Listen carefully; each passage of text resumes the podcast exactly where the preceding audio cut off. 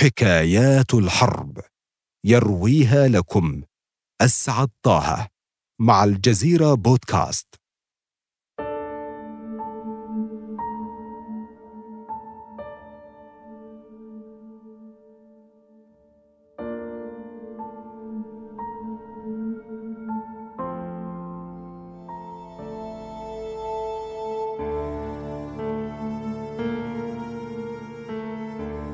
هل سمعت يوما عن حرب تدمر كل شيء؟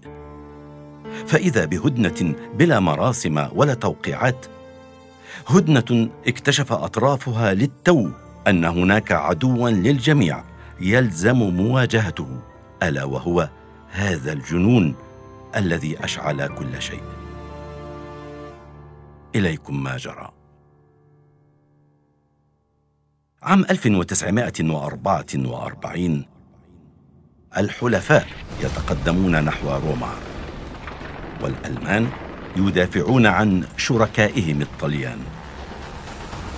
في أقصى جنوب شرق إيطاليا تحديدا في قلعة مونتي كاسينو يجلس النقيب البريطاني دينيس بيكيت الضابط الوحيد المتبقي من كتيبة السكس البريطانية.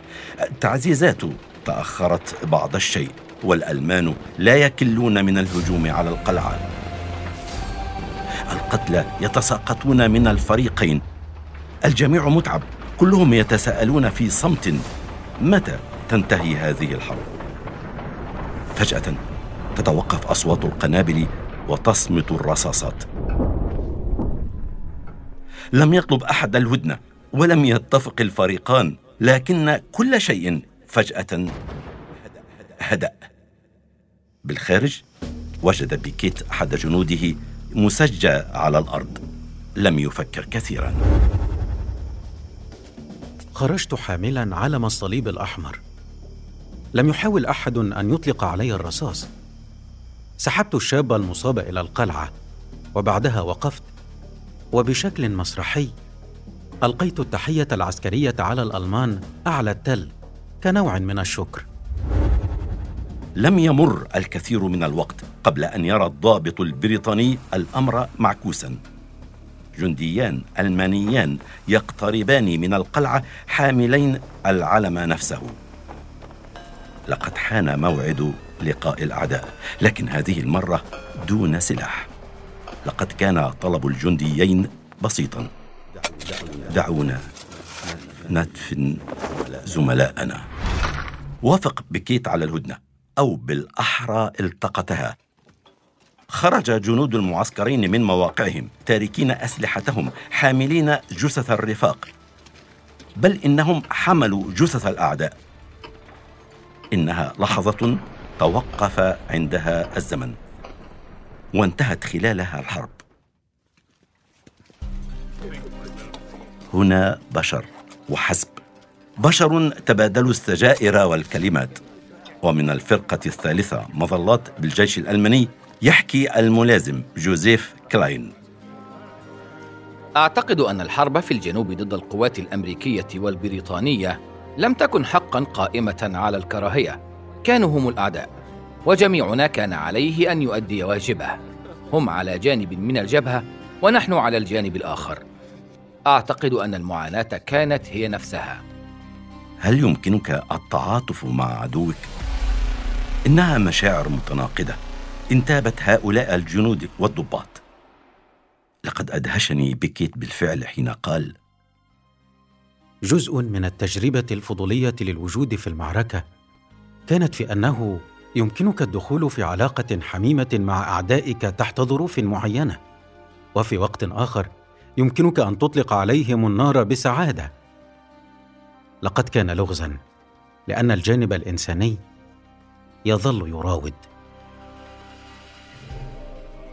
هذا اللغز الذي ينكشف حين يكون العدو مشتركا بين الخصمين وقد تكون اللحظات صادمة حين يكتشف المرء أن عدوه ليس إلا انسانا مثله يكابد ما يكابده في ساحة الحرب.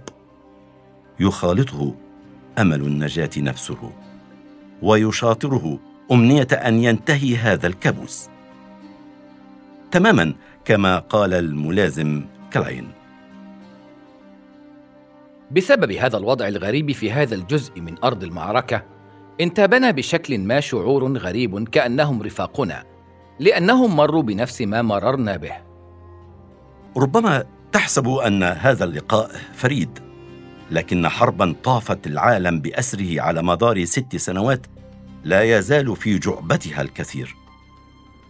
مثل هذا اللقاء المفاجئ قبل أربع سنوات في أقصى شمال القارة العجوز. النرويج. في مشهد سينمائي لم يكتبه إنسان ولم تلتقطه كاميرا وربما حتى لا يصدقه عقل. ففي إبريل نيسان من عام 1940 تسقط طائرة الطيار البريطاني ريتشارد بارتيتش في اشتباك مع قاذفة قنابل ألمانية. ليهرع مع طاقمه إلى كوخ يحميهم من التجمد في صحراء الجليد. لكنهم لم يتخيلوا أن زملائهم سيثأرون لهم بهذه السرعة لم يمض وقت طويل حتى سقطت قاذفة القنابل الألمانية ولم يمض وقت طويل حتى عثر الطيار الملازم هورست شويبس مع طاقمه الألماني الذي نجا على نفس الكوخ. إذا فجأة وفي هذا الكوخ البسيط يتواجه الأعداء طيران وأربعة جنود وجنسيتان تتقاتلان منذ ثمانية أشهر. كان اللقاء صادما ومتوترا في البداية. إنه ثلج من نوع آخر. لم تكسره إلا مصافحة الطيارين. لقد كان العدو في هذه المرة هو الصقيع والتيه. وكانت المواجهة تعني موت الجميع. بينما كان التحالف سبيلهم الوحيد للنجاة. في داخل الكوخ نسي الألمان والإنجليز عداوتهم. وتذكروا أنهم بشر. زج بهم في الحرب قصرا فتشاركوا الطعام والشراب حتى كاد مخزونهم ينفد. ما الحل؟ سنخرج معا إلى أقرب نقطة محلية للحصول على مزيد من المؤن. بالفعل خرجوا سويا ولكن فرقتهم الأقدار. فعلى بعد امتار عثرت عليهم دورية نرويجية.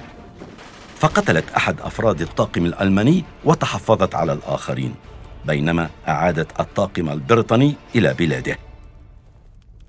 مرت السنون وانتهت الحرب. الطيار بارتيتش في بريطانيا والطيار شويبس في ألمانيا. لا قتلى ولا صفارات إنذار بعد الآن. تنتهي خدمة الضابطين في الجيش ويتقاعدان. تمر ثلاثة وأربعون عاما على هذه الحادثة. الطيار بارتج يتجول في أحد المتاحف البريطانية ليجد رجلا المانيا رافقه الكوخ نفسه. يقدم له نفسه. أنا هورست شويبس هل ما زلت تذكرني؟ يجيبه بارتج بمصافحة ودودة. في لقاء عابر لم يتخيل أن يتكرر بعد كل هذه السنين. وهو اللقاء الذي التقطته صحيفة ذا تلغراف البريطانية ونقلت فيه قول الضابطين. فقال بارتج لقد تحدثنا معا ولا نحمل أي ضغينة تجاه بعضنا ولم نحملها قط. أما شويبس فقال فقط قمنا بما كان علينا فعله. ولم يكن هناك حاجة لأن نكون أعداء بعدها. لم يبدأ أي منا الحرب. أحمد الله أننا لم نقتل بعضنا. أحيانا تنتج الحرب شيئا غير الدماء. ربما تجمع الأعداء تحت سقف واحد. في ليلة ينسون فيها عداوتهم. ربما لأنهم لم يكونوا أعداء بالفعل. وفي ليلة أخرى في الحرب ذاتها لكن في مكان مختلف في إحدى الغابات على الحدود البلجيكية الألمانية عشية عيد الميلاد وتحديدا في السادس عشر من ديسمبر كانون الأول عام 1944 يشن الألمان هجوما على الحلفاء. عرف باسم معركة الثغرة. وفي مكان قريب كان الصبي. فريتز فينكن ذو الاثني عشر عاما يجلس مع أمه في كوخهما الصغير. الليل قارس في برودته. وصوت الطلقات لم يهدأ منذ أسبوعين. لكنهما سيسمعان الآن صوتا آخر. إنها طرقات على الباب. أطفأت أمي الشموع سريعا. وبينما ذهبت لفتح الباب سبقتني هي. وفي الخارج وقف رجلان يرتديان الخذات المعدنية. تحدثا إلى أمي بلغة لم أفهمها وأشارا إلى رجل ثالث يركض على الثلوج. أدركت أمي قبل أن هؤلاء جنود أمريكان. إنهم الأعداء. لقد كانت استضافة الأعداء تعني الإعدام. لكن على الرغم من ذلك لم تأبه السيدة إلى ذلك وأدخلتهم إلى منزلها وأعدت لهم العشاء بما تبقى لديها من طعام في المنزل. لم تكن تفهم الإنجليزية ولم يكن الجنود يعرفون الألمانية. ساد التشوش على الحديث. حتى أدركت السيدة أن أحد الجنود يتحدث الفرنسية التي تعرفها ففهمت أن الثلاثة ضلوا طريقهم عن كتيبتهم في الأدغال. وأن زميلهم المصاب لم يعد يقوى على الحراك خطوة واحدة. وضعت الأم الجندي في سرير ولدها وحاولت تضميد جراحه النازفة. فيما أمرت فريتز بالاعتناء بالجنديين الآخرين حتى تطبخ لهم الديك الأخير المتبقي في منزلها. ومرة أخرى طرق الباب. هل هم أمريكان آخرون؟ هكذا توقع الصبي ففتح الباب دون تردد ليندم على قراره. خاب الرهان إنهم الألمان. أربعة جنود من قوات الفيرماخت الألمانية وتسمر الصغير في مكانه من الرعب. في ذهنه تتردد العبارة القانونية التي يحفظها عن ظهر قلب. استضافة العدو تساوي الخيانة العظمى. أمي أيضا كانت خائفة وجهها كان شاحبا تماما. لكنها خرجت إليهم قائلة عيد ميلاد مجيد ليردوا عليها بالمثل قبل أن يشرح الضابط أنهم تاهوا عن كتيبتهم ويأملون أن ينتظروا لدينا حتى سطوع الشمس. ردت الأم بالقبول في هدوء تام قبل أن تعرض عليهم وجبة ساخنة. ابتسم الجنود مع استنشاق رائحة الطعام التي ملأت المكان. لكن الأم تابعت عبر الباب نصف المغلق. لكن نحن لدينا ثلاثة ضيوف آخرين. ربما لا ترون أنهم أصدقاؤكم. لكن هذه ليلة عيد الميلاد ولن يحدث إطلاق نار هنا. فهم الجنود على الفور فسألها العريف من بالداخل؟ أمريكان؟ لتجيبه على الفور. اسمعوا من الممكن أن تكونوا أبنائي وكذلك هم. في الداخل فتى مصاب بطلق ناري يصارع الموت وصديقاه أيضا. هم تائهون مثلكم وجائعون ومتعبون. في ليلة عيد الميلاد هذه دعونا ننسى القتل. لم ينطق أي منهم ببنت شفه لقد صدمتهم كلمات الأم حتى وقفت الردود في حلوقهم. لكن الأم كانت ذكيه بما يكفي لتستثمر هذا الحال. كفى كلاما. أرجوكم ضعوا أسلحتكم هنا على الحطب وأسرعوا قبل أن يأكل الآخرون العشاء. وفي أدب ربما لا يمتلكه فريتز انصاع الجنود لأمر السيدة وتركوا أسلحتهم. فذهبت إلى زوارها الآخرين وقالت للجندي الذي يفهم الفرنسية كلاما مثيلا وبصورة أكثر غرابة سلم هو ورفاقه أسلحتهم بهدوء تام. وفي ثوان تجالس الجنود جنبا إلى جنب. كان التوتر هو الضيف الجديد لهذا العشاء لكن الأم طردته بابتسامتها التي لم تختفي. ثم ذهبت لإعداد المائدة. بينما تفاجأ الجميع بأحد الجنود الألمان يضع نظارته ليفحص جرح الجندي الأمريكي. لتكتشف الأم أن الألماني كان قد درس الطب قبل أن تبتلعه الحرب ليطمئن الجندي المصاب. لا عليك. لم يتلوث الجرح. لكنك خسرت كمية كبيرة من الدماء. كل ما تحتاجه هو الراحة والتغذية. أخذ الهدوء يسيطر على الأجواء وقل التوتر مع الوقت. انتهت الأم من المائدة فاجتمع الجميع.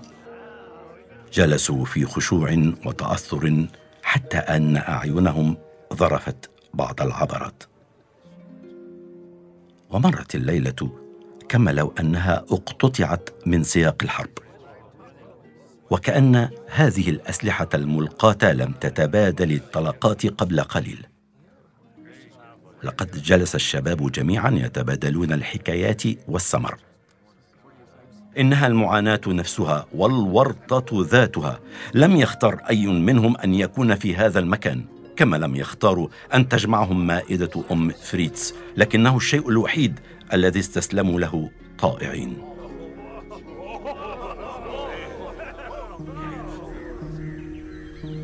أشرق الصبح وأعطى العريف الألماني إرشادات لأصدقائه الأمريكيين للعودة إلى خط جبهتهم وحانت لحظة الرحيل.